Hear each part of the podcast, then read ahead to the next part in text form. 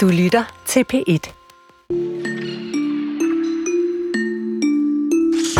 At tage til fest og drikke øl, det er ikke umiddelbart sådan en helt vildt kontroversiel kombi, hvis man fortæller, at det er det, man skal. Men hvad så, hvis man siger, at man tager til fest for at tage nogle stoffer?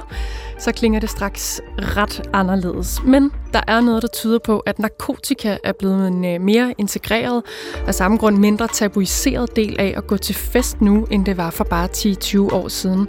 Det viser en ny såkaldt tendensrapport, som har kigget på unges holdning til og erfaringer med illegale stoffer på Roskilde Festival.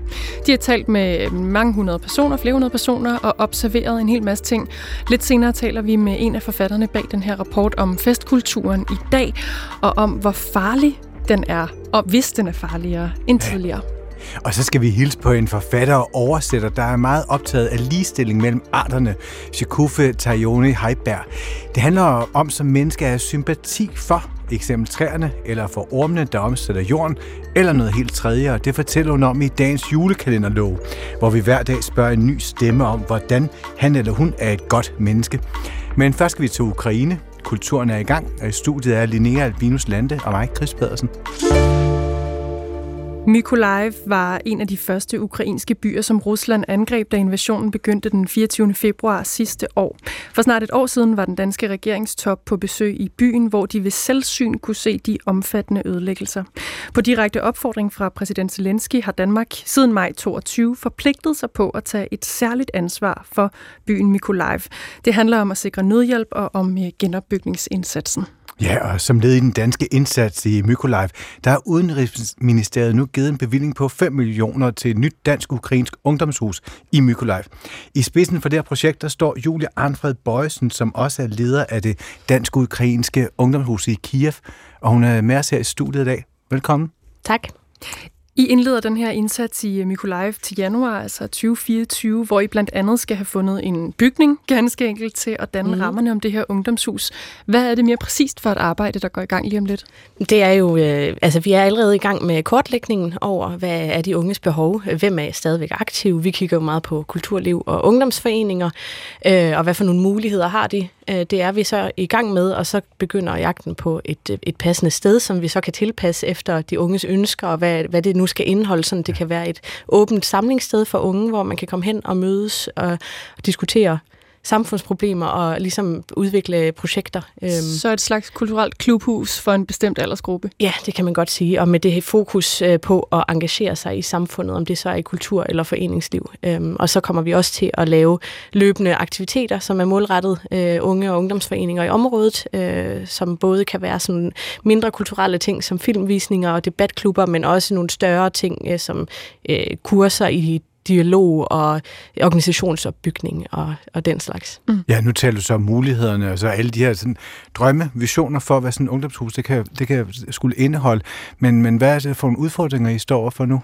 Altså, øh, den store udfordring i Ukraine, det er selvfølgelig krigen. Øhm, øh, og en af de udfordringer, der følger med, det er jo, at det er et ret øh, ustabilt øh, miljø at arbejde i øh, og agere i. Man Hvordan bliver, ustabilt? Det er ustabilt på den måde, at man ret tit bliver afbrudt. Man kan blive afbrudt af reelle øh, raketangreb og missilangreb. Man kan også blive afbrudt af, at forsyningslinjerne svigter, og at der pludselig ikke er strøm. Det døde vi rigtig meget med, også i Kiev sidste år, hvor at der pludselig ikke var strøm i flere dage, og hvad, hvordan skal man så udføre sit arbejde, ikke? og alle sidder hjemme i mørke, og der er ikke varmt vand og sådan nogle ting.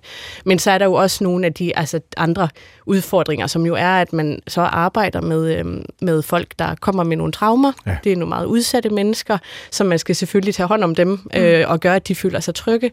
Og så er det jo selvfølgelig også øh, altså det her med, at det er en region, der i forvejen var relativt udsat i form af, at den var relativt fattig, og mange unge rejser derfra, så vi vil jo gerne øh, være med til at skabe en grund til at blive værende, kan man sige, og få lyst til at engagere sig, få lyst til at blive og være med til at, at skabe en fremtid. Okay. Altså, jeg tænker bare, i sådan en hverdag, der står i flammer, altså hvad, hvad skal der til for, at unge føler sig trygge i det? Jamen, det er jo et godt spørgsmål. Altså, vi kan jo selvfølgelig ikke tilbyde den fysiske sikkerhed. Øh, det må, det må militæret på en måde tage sig af, øh, og de andre våbenleverancer og diverse. Men, men det, man kan gøre, det er jo selvfølgelig at skabe et, et trygt sted, hvor folk føler sig velkomne, hvor man føler, man kan tale øh, åbent om ting og, og være sig selv, og at der ikke er sådan et stort pres på, at man skal gøre noget specielt, eller du ved, øh, være en særlig person for at få lov til at være med. Lad os lige få en lille smule lyd på nogle af de akutte problemer, som øh, Mikolajev står i. I begyndelsen af november fortalte DR's europakorrespondent Anna Gårdslev sådan her til TV-avisen. Det, man frygter i øh, Mikolajev og sådan set også i resten af Ukraine, det er en vinter, som bliver mørk øh, og kold, og hvor man igen bliver udsat for øh, øh, adskillige russiske angreb, som netop målretter sig mod energiforsyningen, vandforsyningen og øh, ja, strøm, el og vand. Ja, en vinteren står altså for døren, ligesom gør alle andre steder.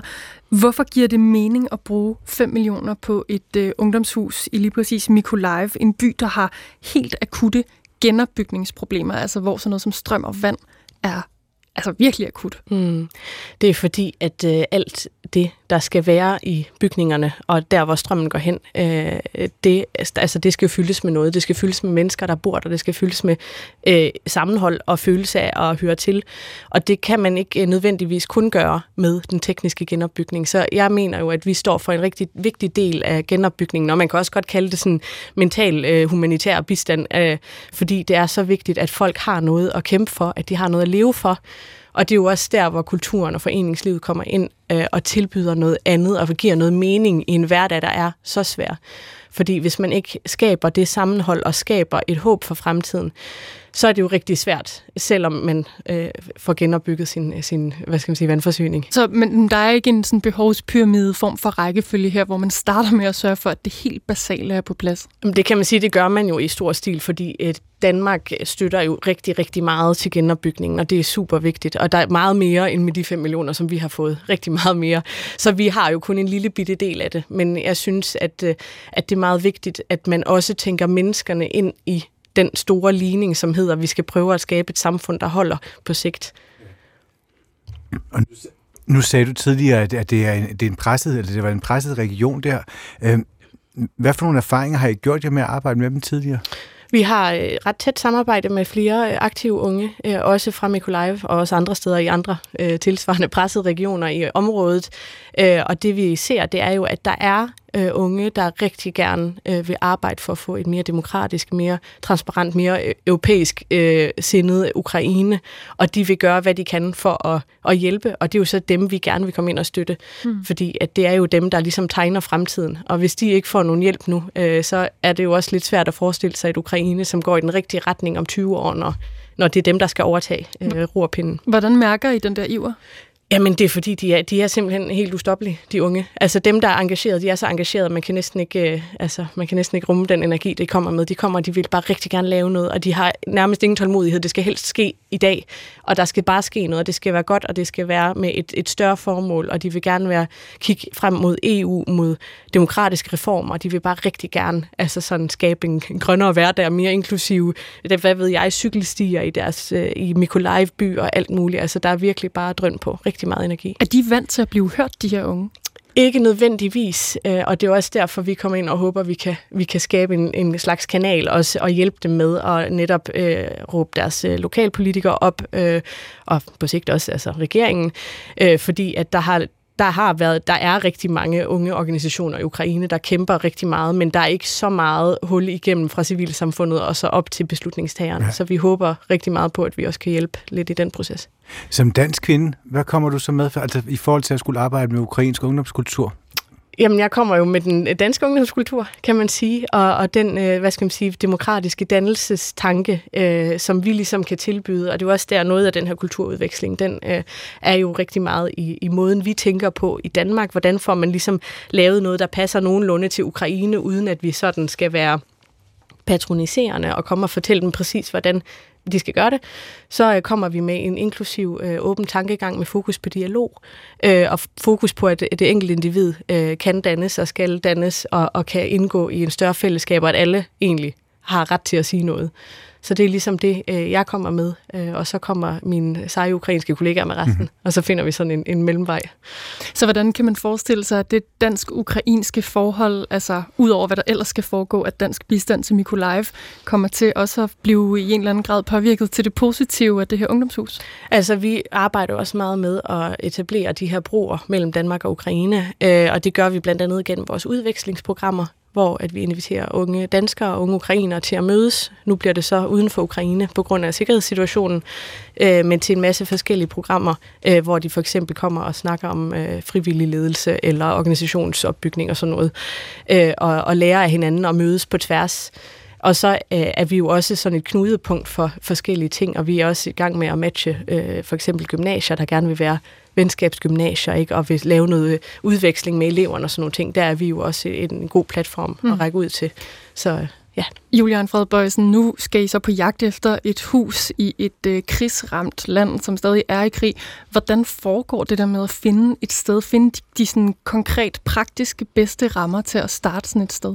Ja, det er jo et godt spørgsmål. Altså, det bliver bare egentlig, altså, ligesom man vil gøre, hvis der ikke var krig. Altså, vil man gå ud og kigge og se, hvad er der til leje, hvad, hvor kan vi finde noget, og hvad passer til de, øh, de ønsker, vi har, ikke? og hvor stort skal det være, og hvor skal det ligge, øh, mm. og forhåbentlig kan det ligge et eller andet sted relativt øh, centralt i byen, øh, og være et sted, hvor man også kan tilpasse det og gøre det tilgængeligt for folk, øh, så man ikke skal øh, klatre op af fem trapper, for eksempel uden elevator, men også, øh, at, at det kan gøres til et, et fedt og indbydende sted. For men man, tør man begynde at drømme? Tør du det, inden I faktisk er gået sådan konkret i gang med jagten, og have alle mulige parametre, der skal krydses af? Jeg tænker, det må være særligt svært i en by som Mikolajev at, at have alle mulige ambitioner for, hvordan det ungdomshus skal se ud. Ja, men altså, man kan ikke andet end at drømme. Altså, hvis ikke, så bliver det ikke til noget. Øh, så, så jeg er ret optimistisk. Jeg er sikker på, at vi skal finde et rigtig godt sted. Så ja. I skal have held og lykke med det. Tak. Og tak for, at du kom. Julia Arnfred Bøjsen, leder af de dansk-ukrainske ungdomshuse i Kiev, var snart i Mykolaiv. Og det her arbejde med ungdomshuset i Mykolaiv, det begynder som sagt i januar 2024.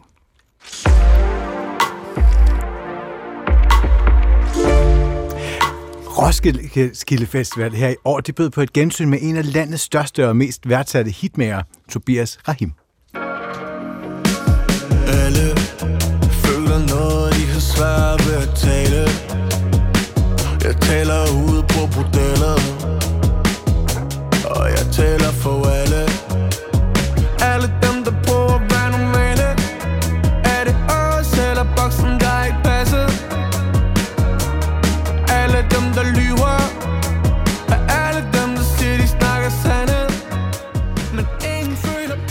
Ja, og udover uh, Tobias Rahim, som var en af ja. de store hits på programmet, så dannede festivalen også ramme om et forskningsprojekt. Det handlede om at få et bedre indblik i, hvordan stoffer bliver brugt i de danske festmiljøer. Og den rapport er nu udkommet og viser, at øh, kokain blandt andet bliver opfattet som mere normalt i dele af øh, festkulturen, end det før har gjort. Antropolog og professor Henrik Wied, der leder Kriminologisk Observatorium på Københavns Universitet. Velkommen. Tak. Du er medforfatter på den her rapport. Mm-hmm. Hvordan viser det sig, at øh, kokain er på vej mod en normalisering i, i festkulturen? Men når man snakker med unge i, på Roskilde Festival og i de situationer, hvor, hvor folk fester igennem, så snakker de, meget som, øh, snakker de meget om kokain som noget, man må forestille sig er der. Altså, de, de går ligesom ud fra, at der er kokain, der er nogen, der bruger det. Så man kan sige, når man på kriminologisk vis snakker om normalisering, så gør man det egentlig øh, på den måde, at man snakker om, at noget er blevet en del af landskabet, hvis vi snakker stoffer. Så man kigger på, simpelthen på sproget omkring det? Øh, sproget omkring det, tilgængeligheden, øh, hvordan folk opfatter det. Øh, jeg er selv en sådan mid, rimelig midalderne type efterhånden, så øh, hvis vi går tilbage en, en to-tre årtier, så var det jo grænseoverskridende. Altså man havde en anden forhold til kokain, et andet forhold til kokain. Folk tænkte, at, at, at hvis man var på, på kokain, det var lidt hårde stoffer, og så var man lidt sådan ude på, på en glidebane. Mm. Og der taler man nu øh, meget mere åbent og, og meget mere accepterende om det på en eller anden tidspunkt, eller på en eller anden måde. Og nu, ja, nu er I så undersøgt på Roskilde Festival, men hvor, altså, hvad er tallene på det? Hvor, hvor mange? Hvor meget kan man, øh, hvor meget kan man læse det her? Altså, vores undersøgelse er faktisk øh, induktiv, så den er, den er lige det modsatte af noget, hvor man tæller. Så man kan sige, at vi går ud, og så spørger vi bare folk, sådan, øh, de unge på festivalen, siger, er der, er der nogle stoffer? Øh, hvad, hvad ser I af stoffer? Fordi vi gerne vil have dem til at definere, og vi vil gerne have dem til at definere, hvad der er normalt. Hvad ser de ah. som stoffer? Hvad ser mm. de ikke som stoffer? Så hvis vi går ud med et spørgeskema og siger, kan I tilgage her de her stoffer, vi har prædefineret, så ser vi faktisk mindre, end vi gør på den anden måde. Det gør vi så efterfølgende. Ikke? Men så, så når vi går ud og spørger på den måde, så noget af det, der er meget interessant, er, at, at så siger de, jamen der er masser af kokain, der er masser af MDMA, øh, og, og i den rækkefølge. Og så kan man se, at, at, at altså nærmest en tredjedel øh, siger, at kokain, det, det ved vi er der, og det har vi set, og så videre. Øh, meget interessant, når man så spørger videre, og man siger efter sådan et længere interview, så siger hvad så med cannabis? Så er de sådan, nå, det har vi slet ikke tænkt på.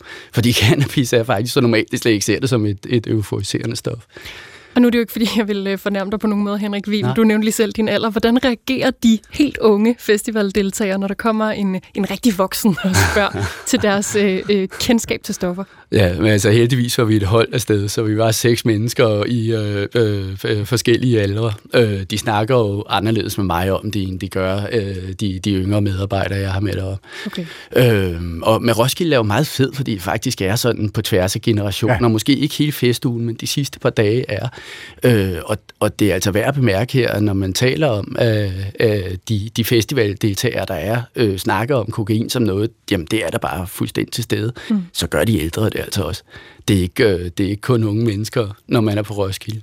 Og hvordan bliver det i talsat, det til stede? Jamen, så siger de sådan, nå jo, og, altså nogen, nogen, der er brugere, de er meget åbne omkring det. De siger, jamen prøv at høre, jeg står op i morges og, og øh, tog en bane, og det har jeg også i sinde at gøre, før, øh, før, før jeg er færdig med den her fest, og så gør jeg det igen, når jeg stopper morgen tidlig og så videre. Og andre har sådan en, en anden holdning til det. Altså, så det er jo ikke fordi, man, man skal passe på, at man ikke maler fanden på væggen. Det er ikke fordi voldsomt mange mennesker tager kokain, men vi ved, at i festmiljøer især, der er der sket lidt andet i danskernes forbrug. Der er der simpelthen der, der er en øget tilgængelighed af det, og folk er blevet mere sådan øh, tilbøjelige til at acceptere, at det er der. Mm. Så man skjuler heller ikke sit forbrug på samme måde osv. Øh, men, men fordi der, det er mere tilgængeligt, og fordi man kan sige, at det blev normaliseret, altså at man synes, det er en del af landskabet, det betyder ikke, at alle folk synes, det er okay. Så, så det er normaliseret, som der er meget af det. Det er ikke nødvendigvis normaliseret, som er, er normativt, det her er godt, eller det her er okay. Der er mange folk, der siger, prøv lige at se nogle tabere, der står derovre og er i gang med at øh, tage en nøgle, eller sådan noget, eller øh, sluge en snitte, eller hvad det nu hedder. Altså, så de har en holdning til det, som, som det er faktisk ikke okay. Men, men når man så snakker videre med dem, som jo er det, vi gør, altså snakker lidt længere med dem, så finder man ud af, at jamen, mm, men de er fuldstændig bevidste om, at folk gør det, og de er fuldstændig ja. bevidste om, at det er en del af den festkultur, en del af det landskab. Og måske nærmest også, hvordan man får fat i det. Ja, det ved de jo så også, så det øh, prøver vi også på at portrættere i rapporten, at der er flere af dem, der fortæller sådan, jamen, hvor kan man købe det, hvor kan man ikke købe det. Roskilde er lidt interessant, altså både fordi det er jo en utrolig progressiv festival. Roskilde har et ønske om, at der ikke skal være stoffer til den her festival, øh, og, og gør faktisk en del for at undgå det. Men når man så laver sådan en undersøgelse, så ser man, at folk er jo som folk er mest, altså, og når det er festkultur, så sniger de det med ind alligevel. Øh, og der kan man se, at Roskilde bliver de der 130.000 mennesker øh, bag et hegn på en mark, der kan man se, se at det får sådan sin egen dynamik, også hvad stoftilgængelighed angår, så man ved, hvordan og hvor. Og vi skal lige høre fra dem, fordi øh, Morten Terkelsen, som er sikkerhedschef på Roskilde Festival, har vi øh, talt med. Her forklarer mm-hmm. han, hvorfor festivalen har takket ja til at have jer rendende og lave jeres undersøgelse, Henrik. Altså, det er vigtigt for os altid at samarbejde med eksterne fagpersoner, for det er jo en af de måder, vi bliver dygtigere på.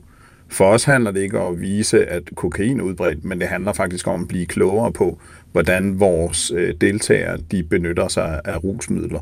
For når vi bliver klogere, så kan vi også forbedre vores arbejde og lave en mere tryg festival. Ja, hvad bruger I resultatet af undersøgelsen til? Jamen nu skal vi til at, at virkelig grave os i dybden med det. Der står nogle interessante ting, så noget af det, vi kommer til, det er jo at kigge lidt ned i, skal vi ændre på nogle af vores processer, nogle af vores metoder. Det kunne eksempelvis være, skal vi allokere vores security teams på en anden måde? Skal vi skifte på øh, nogle af vores kommunikationsformer, så man ligesom forstår mere tydeligt, hvad vores holdning til stoffer rent faktisk er. Så det er jo en måde for os at få noget hjælp, hvor nogen grundigt har evalueret i, hvordan vi arbejder, så kan vi jo bruge den som baggrundsviden til at planlægge næste års festival. Og hvordan kunne det for eksempel komme til udtryk, det her med at vise festivalens holdning til stoffer? Vi har i mange år haft en samarbejde øh, med øh, Sundhedsstyrelsen, hvor vi har haft en meget markant kampagne, øh, og den kan vi jo eksempelvis se, at den efterlyser vores deltagere. Så det er jo vigtigt for os at fortsætte med en metode til at være meget synlig, at fordi Sundhedsstyrelsen har stoppet en kampagne, så har det ikke ændret på vores holdning. Så det skal vi nu sikre os, at vi får formidlet det meget tydeligt, at vi faktisk har en klar holdning til, at man ikke skal tage stoffer på Roskilde Festivalen. Og det fortalte altså Morten Terkelsen, som er sikkerhedschef på Roskilde Festival, til Natasha Jarsi. Antropolog og professor Henrik Vi, der leder Kriminologisk Observatorium på Københavns Universitet. Hvad tænker du om den her sikkerhedschefs ønske om, at festivalen skal være mere synlig i forhold til deres holdning? Men det tror jeg er en god idé. Øhm, som sagt, så gør Roskilde og har øh, gjort ret meget i forhold til at, til at undgå, at folk er skæve på deres festival. Men man må jo bare sige, at folk søger rosen. Vi, altså, som antropolog, så ved man jo, at der er ikke et fællesskab. Der er ikke en kultur, hvor folk ikke søger rosen. Og det kommer de også til at gøre på Roskilde Festival. Og det Roskilde Festival så er super god til at gøre, det er at oplyse om, jamen, hvad er det for noget, og, og hvad er der alternativer. Man kan godt have et brag af en Roskilde Festival, uden at være knokleskæv. Hmm. Ja, er festkulturen i det hele taget farligere i dag, end den har været før? Altså, øh, festival og, og festkultur øh, har jo altid været forbundet med en eller anden form for øh, ros. Mm. Øh, Øh, man ved i virkeligheden, kan man tale om nogle af de her ting som ritualer også. Folk, de, de har en eller anden periode af deres liv, hvor de ligesom fester igennem og, og markerer nogle transitioner osv. Og der er rigtig mange steder i verden, der har man en eller anden form for ros, der er forbundet til det. Da jeg var øh, ung, var det øh, alkohol og, og has, og så var der nogle lidt stærkere øh, ting på banen, som, som jeg personligt prøvede på at undgå. Men, men øh, det, man ser nu, er måske, at, at der er en større tilgængelighed af flere forskellige former for stimulanser. Ikke? Det vil sige, at der, der er mange flere stoffer derude, og der, der er meget mere øh, tilgængelighed. Mm. Så kokain for eksempel, kan man sige, nu Roskilde bliver, fungerer lidt som et sådan vindue for os, hvor vi kan se, jamen, hvad, er det, hvad sker der i sådan en festkultur, når vi samler det, og det er, det er koncentreret. Men når vi kigger bredere på samfundet og på København for eksempel, så er det jo blevet utroligt nemt at få kokain. Ikke? Ja. Altså. Jeg, jeg tænker, der trods alt må være en vis forskel på at feste på en festival, og så gå i byen i København eller Aarhus eller Odense. Mm. Altså, at festkulturen trods alt ser lidt anderledes ud, når man er i gang ja. en hel uge på den måde, som man er typisk på Roskilde. Men, men det tror jeg også, du har ret i, og i virkeligheden øh, bliver der måske skruet lidt op for det, når man er i gang på en hel uge, fordi man fester igennem. Men øh, vi har øh, data fra spildevandsprøver, som bliver taget, hvor man kan se stofforbrug, fordi kroppen går i gang med at nedbryde kokainen for eksempel. Øh, og så tisser man den ud i toilettet, og så kan man måle på spildevandet, hvor meget kokain, der bliver forbrugt i, i København. Øh, og der kan vi se, at, at det øh, stiger øh, torsdag, fredag, lørdag, og så falder det resten af ugen, og så stiger det torsdag, fredag og lørdag. Så igen indikerer det, at kokain er måske et stof, bortset fra de få, som, som faktisk bliver øh, meget afhængige af det. Er det et stof, der bliver brugt øh, ret ofte i, i øh, natlivet og i mm. festkulturen. Altså, at man kan være weekendkriger, ikke? som det hedder på nudansk. Og det er jo netop kokain, som er sådan ret i øjenfaldende i den her rapport. Men, men hvad for nogle, øh, hvilke, hvilke stoffer har haft sådan kokainens position førhen? Jamen, altså, mm, hvis man kigger på det i forhold til, til det der med, at man sagde, okay, men det er ikke helt normalt, men der er rigtig meget af det, så vi forventer, at det er der. Det var jo egentlig det, øh, øh, cannabis, eller has, eller chat, eller hvad det nu hedder, øh, øh, den rolle, det havde før i tiden. Så det var ikke alle, der tog det. Der er mange, der bare drak, drak øl, eller hvad det nu drak. Men, men man forventede ligesom, at der også var nogen, der, der røg nogle joints, eller et eller andet. Og det kan man sige, det, det med cannabis nu i forhold til vores arbejde på Roskilde, viser, viser sig altså at være så øh, øh, generelt generelt, at folk ikke engang rigtig tænker på det som et, som et euforiserende stof. Øh, så, så de snakker om det som om, det er jo, det er jo bare tjal, eller det er jo bare, det er jo bare pot. Mm. Øh, og, og det er i sig selv lidt interessant. Altså det synes vi faktisk var en, var en interessant, et, et interessant øh, indblik at få via at lave det her arbejde. Ikke? Og så kan man sige, når man så skal lære lidt op, og der hvor folk tænker, okay, men det her, det, det er faktisk et narkotikum på en eller anden slags, eller, eller det, det er en eller anden form for euforiserende stof, så, så er kokain, der, der er ketamin også, og folk snakker om MDMA, altså i virkeligheden kokain, MDMA, som også er ecstasy, og så øh, ketamin og, og receptpligtig medicin mm. øh, til sidst. Ikke? Henrik, hvad hvis der sidder nogen, og det gør der sikkert forældre, som sender deres teenager på Roskilde Festival år efter år, og ved, at det her er der, og måske støt stigende bliver mere og mere accepteret at omtale kokain, og måske endda bruge det. Ikke? Hvad skal man gøre som forældre med, med ja. den her nye viden? Jamen, altså, der er to ting, man skal derfor. For det første skal man ikke male fanden på væggen, fordi man ved, at hvis, hvis man nu siger, jamen det her det er noget, alle gør, så kommer unge mennesker også til at tænke, nå jamen, så kan jeg jo også, eller så skal jeg jo også for, for at være en del af alle. Hmm. Så man skal passe lidt på, hvad det angår. Men noget andet, man kan, det er jo, at man kan have en helt nøgtern pædagogisk samtale med sine, sine børn. Og sige, mm, prøv at høre, jeg ved, hvis du går i byen i nattelivet i København, så, så ser du nogen, der står og tager en nøgle, eller du ser nogen, der, der øh, sniffer en bane, eller hvad det nu skulle være. Øh, og nu skal du høre, hvad det er for noget, og nu skal du høre, hvorfor du ikke skal gøre det. Så, så den der meget sådan, ikke skræmmekampagne, men den der meget nøgtern samtale, det her ved vi er derude, og, og lad os lige have en samtale om, mm, hvad sker der, når du møder det?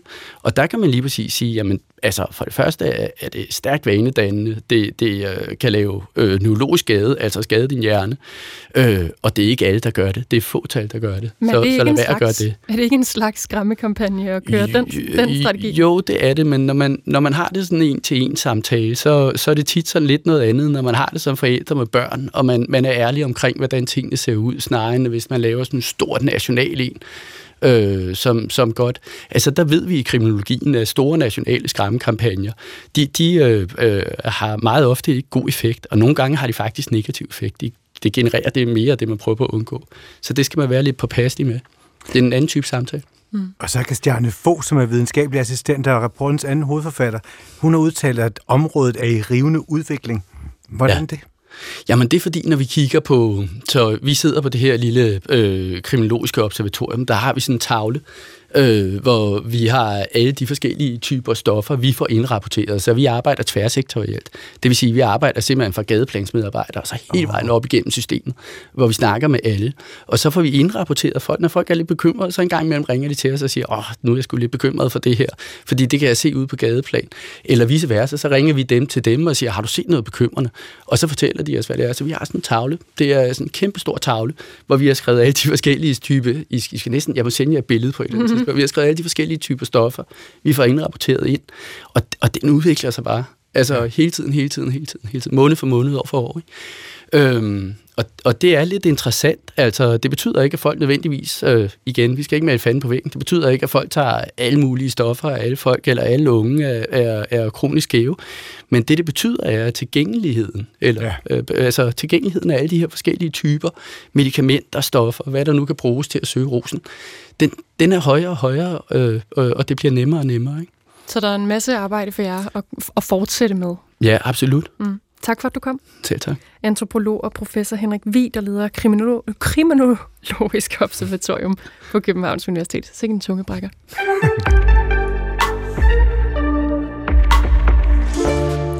Altså en gammel formel for komik, den siger, at tragedie plus tid, det giver komedie. Men hvad gør man, hvis tid bliver fjernet fra ligningen? En af Ukraines mest succesfulde, succesfulde komikere, Anton Tomaschenko, han rejser lige nu Europa-tøn med comedy-showet On the Edge på kanten, og i fredags der optrådte han på Avenue T-teateret i København. Showet det tager udgangspunkt i den igangværende krig i Ukraine, og billetindtægterne ja, det går til indkøb af vågen til den ukrainske her. Men hvordan sikrer man så, øh, eller frøl, hvordan skriver man jokes om en igangværende personlig tragedie. Stort spørgsmål, men øh, kulturens reporter Nana von Thornburg, hun har besøgt Anton Timoshenko inden hans optræden i fredags.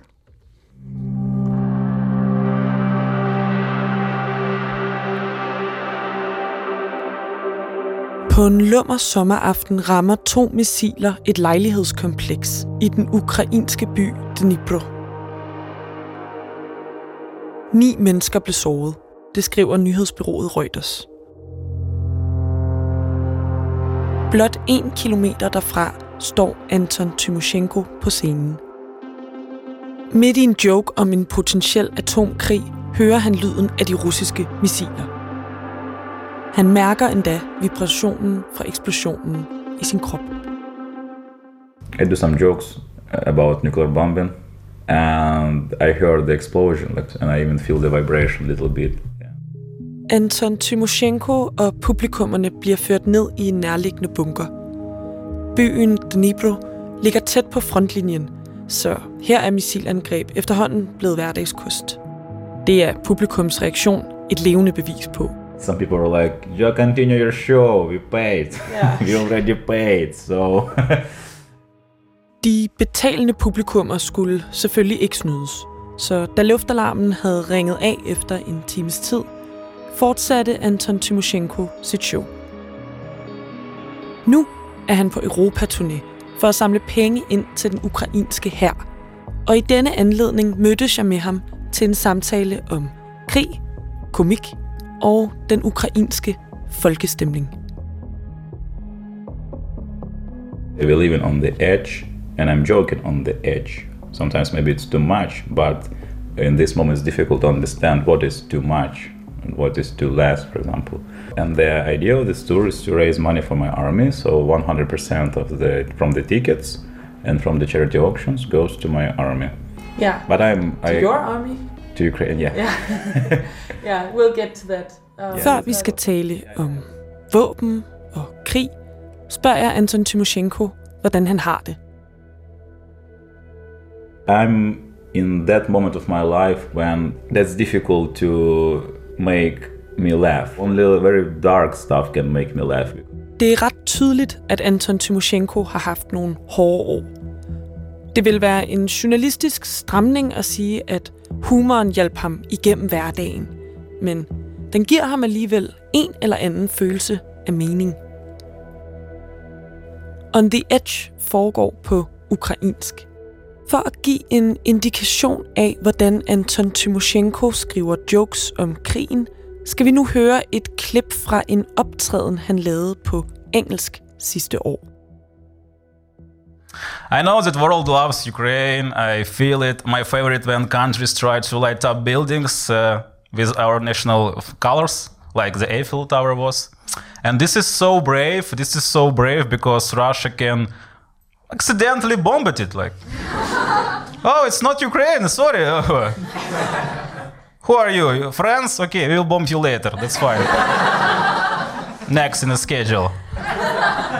Da jeg ikke selv er super stærk på ukrainsk, bad jeg Anton Timoshenko om at beskrive tonen i comedy-showet On the Edge. So, so it's a lot of lot of jokes about death and war, but also I understand that people could be tired to listen about that like for an hour. So I balance these jokes with some other themes that Ukrainians are tired and they thinking about nuclear bombing like as an option because that's a good- good excuse to not go to office. Then jokes about sex to make people you know relax. I even just say I know a lot of a couple of jokes about suicide also and uh, the, uh, the Russian death. Then about sex to make people feel fine.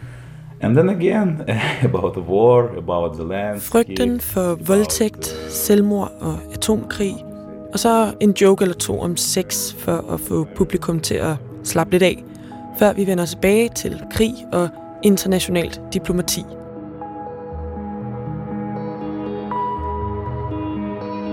Anton Timoshenko har læst Political Science på universitetet, og i løbet af vores samtale skinner hans interesse for politik tydeligt igennem.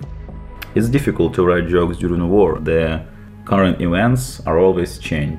So you need to keep in touch with this news and also with people. Det er svært at lave jokes om en krig, mens den udspiller sig. For man skal ikke kun holde sig orienteret i nyhederne. Det er også vigtigt at have øje på folkestemningen, der, ligesom nyhederne, hele tiden ændrer sig. the mood change also very fast so people could become really depressed and maybe if you joke wrote a joke about something like i don't know nuclear bombing and in some moment of uh, your life in ukraine people will laugh about that because it's fun but in some moment they will feel it could happen like tomorrow so maybe it's not so funny Anton Timoshenko fortæller, at han ofte føler sig dum, når han står på scenen.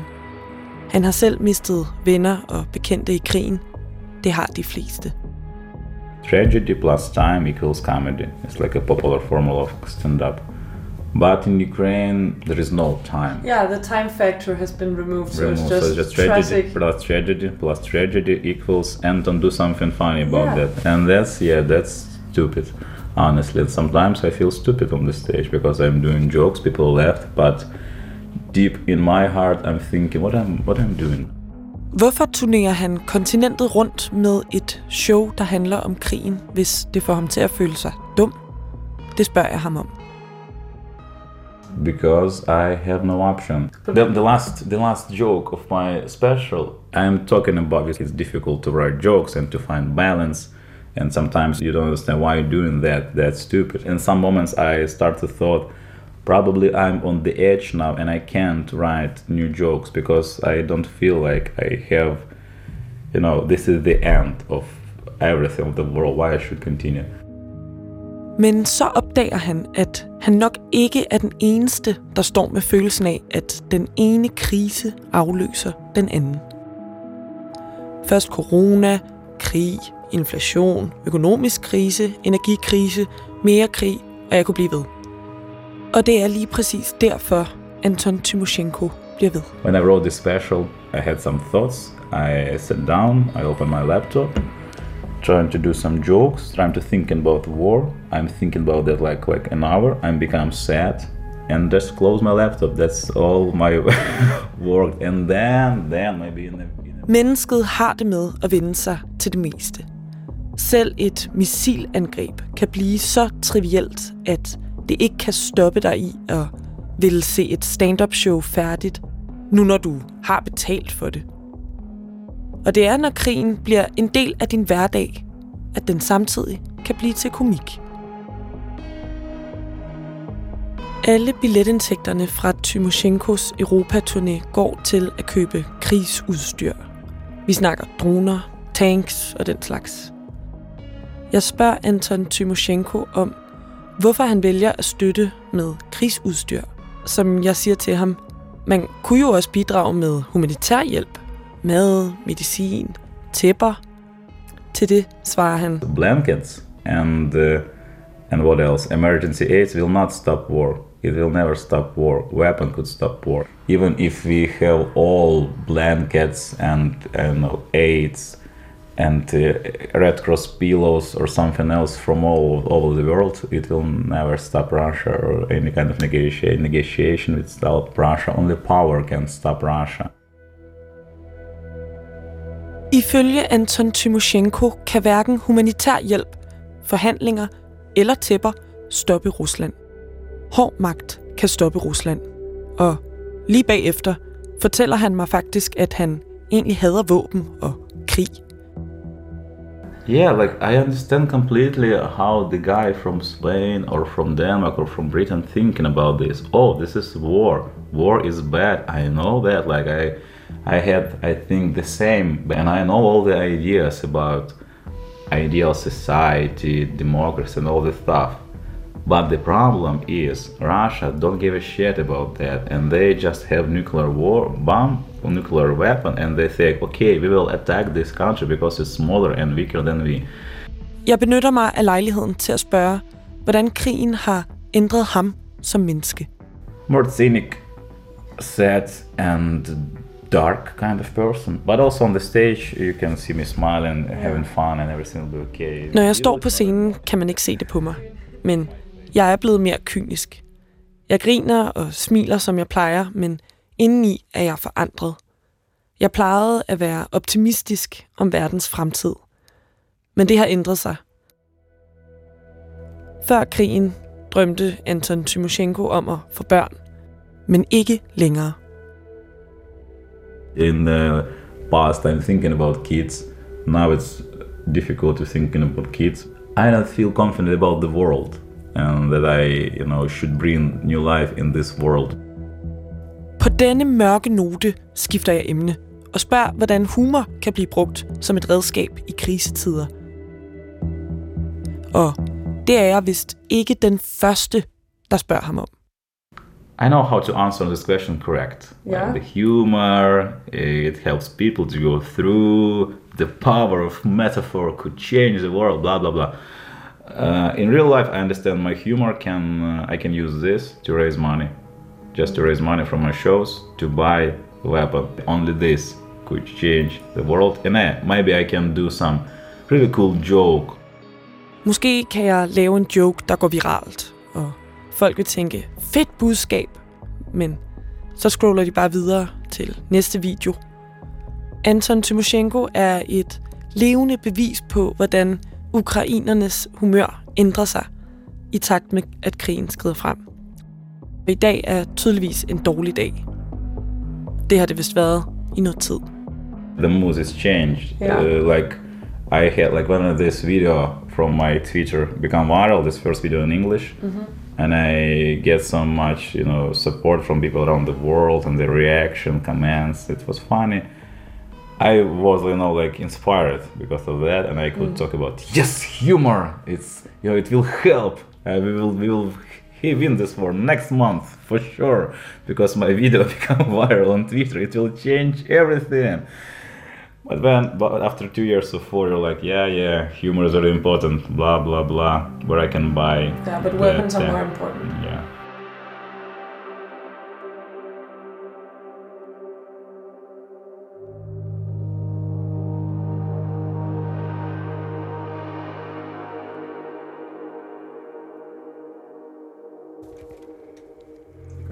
Det var kulturens reporter Nana von Tornburg, der havde besøgt den ukrainske komiker Anton Tymoshenko.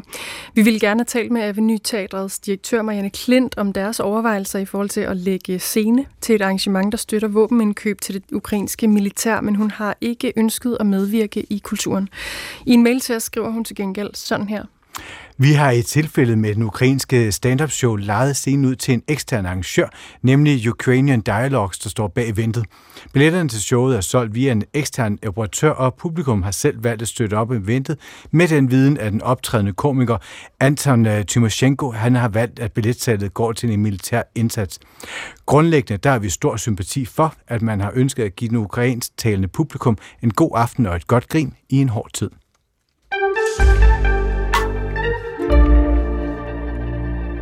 Naturens arter er gavmilde og omsorgsfulde. Det siger ikke jeg, men dagens gæst i Kulturens julekalenderlove, hvor vi i dag og alle andre dage stiller et konkret spørgsmål til en øh, lang række mennesker. Kort sagt, hvordan er du et godt menneske? Forfatter og forelægger Shikufe Tajoni Heiberger, hun tænker meget på træet, på ormen, sølvfisken og en masse andre ikke-mennesker. Lad os høre, hvordan det lød, da vi stillede hende det store, måske lidt umulige spørgsmål. Jeg forsøger at være et bedre menneske ved at træne min evne til at have sympati for andre arter end, end vores egen. Hvad kunne det være for nogle arter? Jamen, det kunne være træerne for eksempel, der står og har reddet en helt vild storm af lige her nu i øh, oktober, og det kunne være dyrene, det kunne være ormene, der omsætter jorden, det kunne være ærnet, der hopper rundt, øhm, det kunne være fuglene, det kunne være insekterne. Og hvordan kan det være, at det lige præcis er det, du fokuserer på, altså for at være et godt menneske? Fordi at øh, jeg, jeg er meget optaget af klimakrise og biodiversitetskrise og, og arbejder aktivistisk der, og jeg mener, at det er sådan, det er det, øh, vi har brug for, altså i, på det her tidspunkt øh, i verdenshistorien, vi er i nu, at genlære den her respekt for de andre arter, øh, og gen, sådan genopdage, hvordan vi er forbundet med dem, og hvordan vi ikke kan komme videre, hvis ikke vi begynder at forstå deres intelligens, deres vilje i livet, deres sådan lyster og længsler, og også bare anerkender deres ret til at være her øh, ja, i egen ret. Og, og, og du siger sådan, at man skal lære at have respekt for dem. Hvad, hvad, hvad har du lært af øh, at, at begynde at have respekt for de her arter? Jamen, jeg har lært, altså det, det er ikke fordi, det har været nemt overhovedet, øhm, men det, som jeg har lært, det er for det første, at arter er sindssygt intelligente. Alle mulige arter, på alle mulige forskellige måder. Bare sådan, hvordan et frø har en formeringsstrategi. Hvordan et øh, kirsebær gør sig rødt og lækkert, sådan, så det kan blive samlet op af en fugl og fløjet et andet sted hen, og ligesom øh, leveret i sådan en perfekt lille øh, fugleklat, der er sådan en startkit. Øhm, det er jo super intelligent at tænke sådan, jeg, jeg laver lige en rød frugt rundt omkring mit frø, for jeg vil gerne have det flået langt væk. Og det er sådan en form for intelligens, som, som vi har det med at overse. Jo mere man dykker ned i sådan biologien i det, jo mere opdager man, hvor mange forskellige sådan, overlevelsesstrategier og forplantningsstrategier og alle mulige former for samarbejdsnetværker, der findes, hvor træerne i skoven for eksempel understøtter hinandens øh, eksistens øh, meget omsorgsfuldt i virkeligheden. Så jeg begyndte sådan at se på naturens arter, både som mere kloge, men også altså i den grad som meget mere øh, gavmilde og omsorgsfulde. Og nu er det jo ikke, fordi man sådan vågner op en eller anden tirsdag og tænker, ah, det er sådan her, jeg vil være et godt menneske. Nej. Men, men hvordan kom du på, på lige præcis det her? Jamen, jeg tror, altså, for mig er det en naturlig følge af at øh, være blevet feminist, og have fået sådan en feministisk vækkelse henover øh, hen over de seneste mange år, at øh, vi bliver nødt til ligesom at have alle med. Man er ikke en ordentlig feminist, hvis ikke, øh, hvis ikke man vil have ligestilling for alle. Det gælder både mellem kønnene, det gælder mellem etniciteterne, men det gælder i den grad også mellem arterne. Fordi når vi laver det der skæld, hvor der er nogen, der ligesom er inde, og de andre er ude, så skaber vi den her sådan katastrofesituation, som vi, vi ser ind i. Så jeg tænker, vi bliver nødt til sådan at, at træne os selv i at kigge så langt altså, så, altså også den lille sølvfisk, der kravler rundt på badeværelsesgulvet, også den, den har også ret til at være her. Øhm, og så prøver sådan at, at træne vores evne til at have øh, empati med andre arter. Falder det da så naturligt, altså for eksempel ikke at slå den lille sølvfisk, der kravler på badeværelsesgulvet ihjel? øh, nej, det gør det faktisk ikke. Og, og hele det her sådan, øh, artsfokus falder mig ikke naturligt, fordi øh, jeg er også, ligesom alle andre, øh, opvokset i et patriarkalsk, kapitalistisk, sådan monoteistisk, sådan præget samfund. Så jeg har også øh, fået den her fortælling, den her antropocene fortælling om, at mennesket er højst i, øh, i den her rangordning, og manden er selvfølgelig højst, og så øh, rangordner vi derunder, at alle naturens arter sådan set er ressourcer, som vi kan bruge øh, til vores eget velbefindende. Og det, det skal jeg på en eller anden måde også øh, finde ud af at aflære langsomt, fordi det ligger lagret i kroppen på alle mulige måder. Og hvordan øver du dig så i at aflære det? Jamen, jeg prøver sådan at stille mig selv spørgsmålet, sådan, hvad, hvad, hvad vil det træ, der er ude i min have? Hvad har det, jeg ønsker at drømme? Hvad er det mål i livet? Øh, hvad vil det lille æren? Eller hvad vil min kat? Eller øh, sådan forstå, hvad er det, der får ormen til at trives, og hvad kan jeg gøre for at bidrage? Eller senopsplanten, hvordan kan det være, at øh, den står og gør, som den gør? Hvad er det egentlig, den signalerer til mig? Hvordan kan jeg sådan være med i en eller anden form for øh, relation, hvor jeg også er betydningsfuld for den, og den også er betydningsfuld for mig? Du har tidligere herinde øh, i øh, oktober måned været inde og tale om øh, forfatteres forhold til deres katte, ja. øh, og faktisk også øh, dit eget forhold til din kat, som øh, du kalder kat. Ja. Pisu. Er det Pisu, ja. Pisu. Øh, det betyder altså, kat på persisk. Som simpelthen bare betyder kat på persisk. Ja. Øh, hvor du omtalte, at det var også en form for respekt, for du går ud fra, at din kat kalder dig menneske. Ja, simpelthen. Har det også noget at gøre med den her respekt for, øh, for, for, for andre arter? Ja, altså det er jo også, jeg har også respekt for, du ved, andre mennesker, som kalder deres dyr alt muligt andet. Det er ikke det, men, men jeg synes, der er sådan et eller andet... Øh, øh, man, gør, man gør dyret lidt mindre, end det behøver at være, ved at give det sådan et lidt puttenuttet navn. Altså, jeg synes, der er et eller andet ærligt og sådan øhm, ligeværdigt imødekommende ved, at man mødes øh, med sine artsnavne, fordi det er nu engang sådan, vi kender hinanden, og så prøver at være lidt lydhør og lidt nysgerrig. Sådan, hvad, hvad er du så for en kat? Øhm, I stedet for bare at have navngivet på forhånd, og så sådan antage, at man kender dem på forhånd. Det kan jo være sådan et, et ordentligt arbejde, og lige pludselig skulle behandle alle andre arter lige, altså på lige niveau med, med, med mennesket. Øh, er der nogen, du sådan ligesom fokuserer på, eller sådan nogen, du har tænkt, okay, men så er det æderkoppen, den skal altid ud af vinduet, eller sølvfisken slår jeg altså ikke ihjel, eller altså er der nogen, du har mere fokus på end andre? Nej, det har jeg ikke, og det, jeg, tænker, jeg tænker det heller ikke helt på den måde. Altså, jeg spiser jo også mad, og sådan, jeg tænker mere, at vi skal prøve at finde en respektfuld måde at omgås hinanden på, være respektfuld omkring, hvad vi tager og hvordan vi tager det, øhm, og tænke os selv mere i en relation. Altså, hvis jeg synes, æbletræet i min have står i vejen, og jeg bare fælder det, så synes, jeg, så synes jeg, at jeg begår en eller anden form for voldshandling. Men hvis jeg går hen og plukker et æble, så er det ikke noget, jeg tager. Altså, jeg forbryder mig ikke mod træet, fordi det er egentlig pointen med træet. Det er det, den, den vil gerne have mig til at spise sit æble og smide skroget et andet sted. Så på den måde kan jeg også ligesom tænke mig selv som, som øh, øh, samarbejdspartner eller ven til æbletræet, hvis jeg sådan tænker mine egne handlinger ind øh, på en rigtig måde. Øh, og så synes jeg heller ikke kun det, altså det handler heller ikke kun om arter, det handler også om øh, naturentiteter, floder, søer, åer, øh, bjerge, enge, hvad har vi, ikke? Altså, den, de har alle sammen ret til at være her, og vi skal på en eller anden måde lære at anerkende øh, deres sådan, egen måde at være i verden på altså, det er vel relevant for dig hele tiden, men, men hvornår, kan du mærke nogle tidspunkter, hvor det er mere relevant for dig ligesom at være opmærksom på, at det er altså det her, du har fokus på, som sådan, øh, som det at være et godt menneske? Jeg bliver særligt opmærksom på det, når jeg, når jeg læser, hvor, hvor skidt det står til på biodiversitetsfronten med den sjette masseuddøen og på, med klimakatastrofe. Men derudover så kan det også være alle mulige tidspunkter, altså bare det, at vi kan trække vejret Bare det, at vi står og kan ånde, det skylder vi træerne, og det synes jeg er en vild ting. Altså det er vildt, at de kan, altså vi kunne ikke klare os uden dem. De kunne sagtens klare sig uden os, men vi kan ikke lave fotosyntese, så vi er totalt afhængige af deres sådan super intelligente måde at omsætte lys til, til ilt. Og, øhm, og det synes jeg, sådan, det kan man altid lige blive opmærksom på, og sådan tænke, hey, det var da rimelig generøst af dem bare sådan lige at dele med os. Og hvad, hvad har det så givet dig? Altså, og lige pludselig øh, blive opmærksom på det, og ikke bare fælde dit æbletræ, øh, fordi du synes, det står dumt i haven, men, men spise æblet i stedet for at smide skrå et andet sted. Altså, hvad har det der givet dig at være opmærksom på, på andre arter og, og, og naturen på den her måde?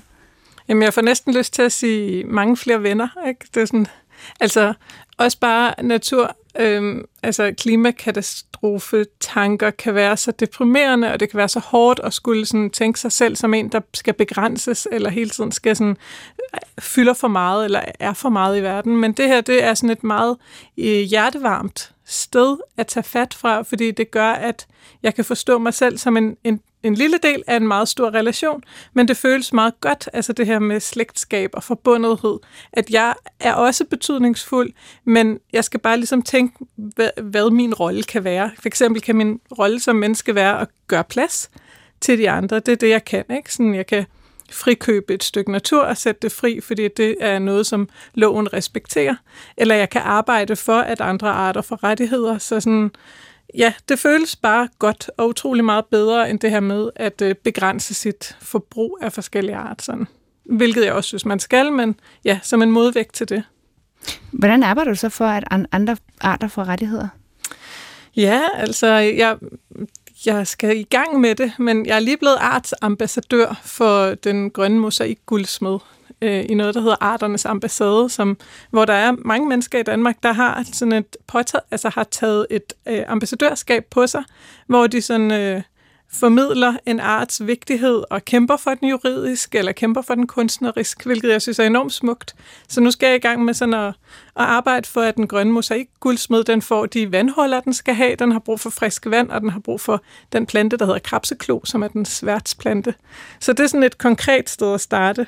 Øhm, og så er der sådan et juridisk sted, hvor jeg skal sådan finde ud af at finde nogle allierede, og øh, finde ud af, hvordan arbejder man egentlig juridisk med, at for eksempel åer skal have deres egne rettigheder. Det har de jo andre steder i verden, så det er, det er muligt, det kan lade sig gøre, og det juridiske system er gearet til at anerkende flere som, som juridiske personer, altså juridiske entiteter, så det kan sagtens lade sig gøre. Så jeg har bare ikke særlig meget forstand på jura, så jeg skal lige alliere mig med nogen for at finde ud af, hvordan gør vi så det her? Fordi det tror jeg helt sikkert er sådan det næste store øh, arbejde, der ligger foran for, for klimaaktivismen. Men, så, men, øh, men, men kommer du også til at gå kunstnerisk ind i det her arbejde for denne her øh, specifikke guldsmed? Øh, ja, det gør jeg helt sikkert. Det gør jeg allerede. Og ikke kun for den, også sådan, jeg har skrevet en bog, der hedder Nød, og der handler om, at månen er levende, og jeg har skrevet en bog, der hedder Planta i Sabien, der handler om en kvinde, der, bliver, der forvandler sig til et træ. Altså, jeg er super optaget af det, øh, og kunsten er sådan min måde at eksperimentere med, mm, ja, hvad kan vi, hvordan kan vi indgå i de her relationer, hvordan kan vi forstå træernes sprog, og alle de andre dyrs sprog. Så helt sikkert.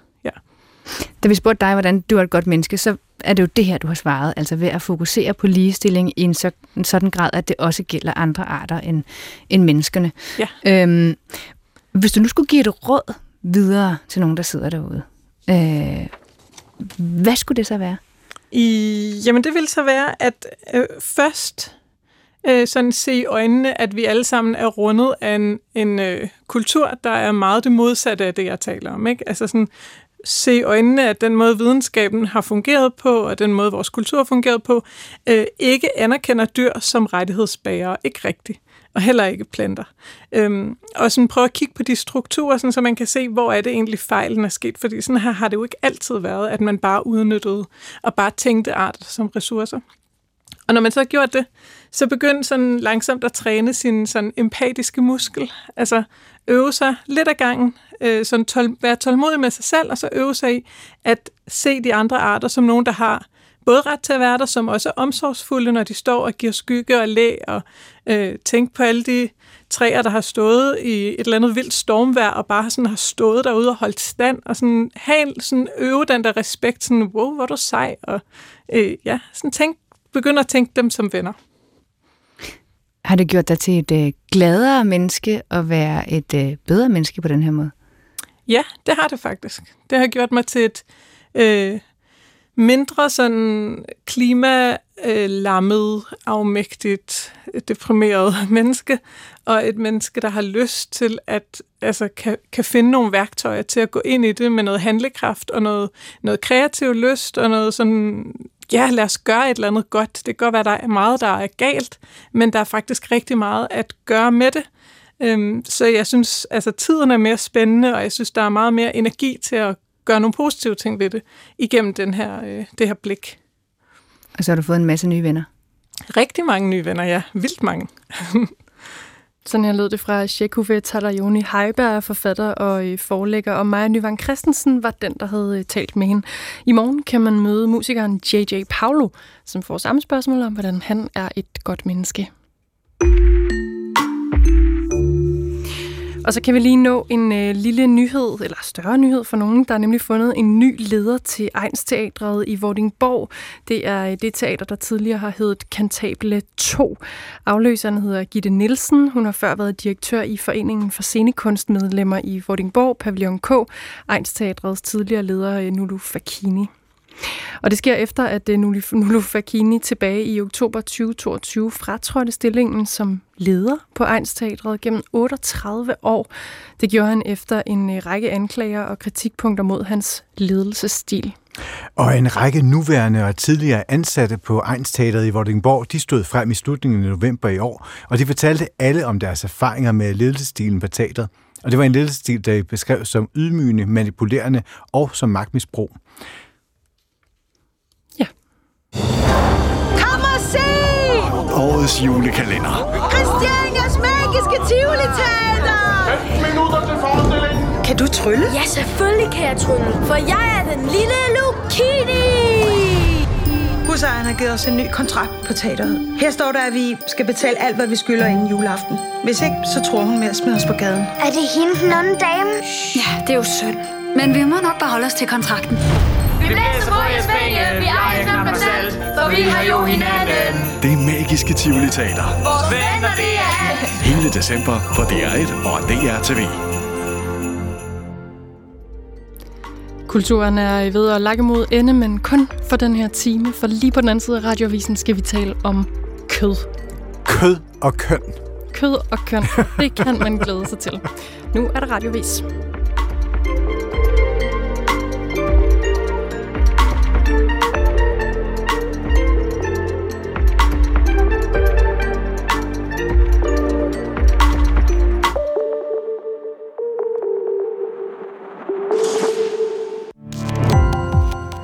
Gå på opdagelse i alle DR's podcast og radioprogrammer. I appen DR Lyd.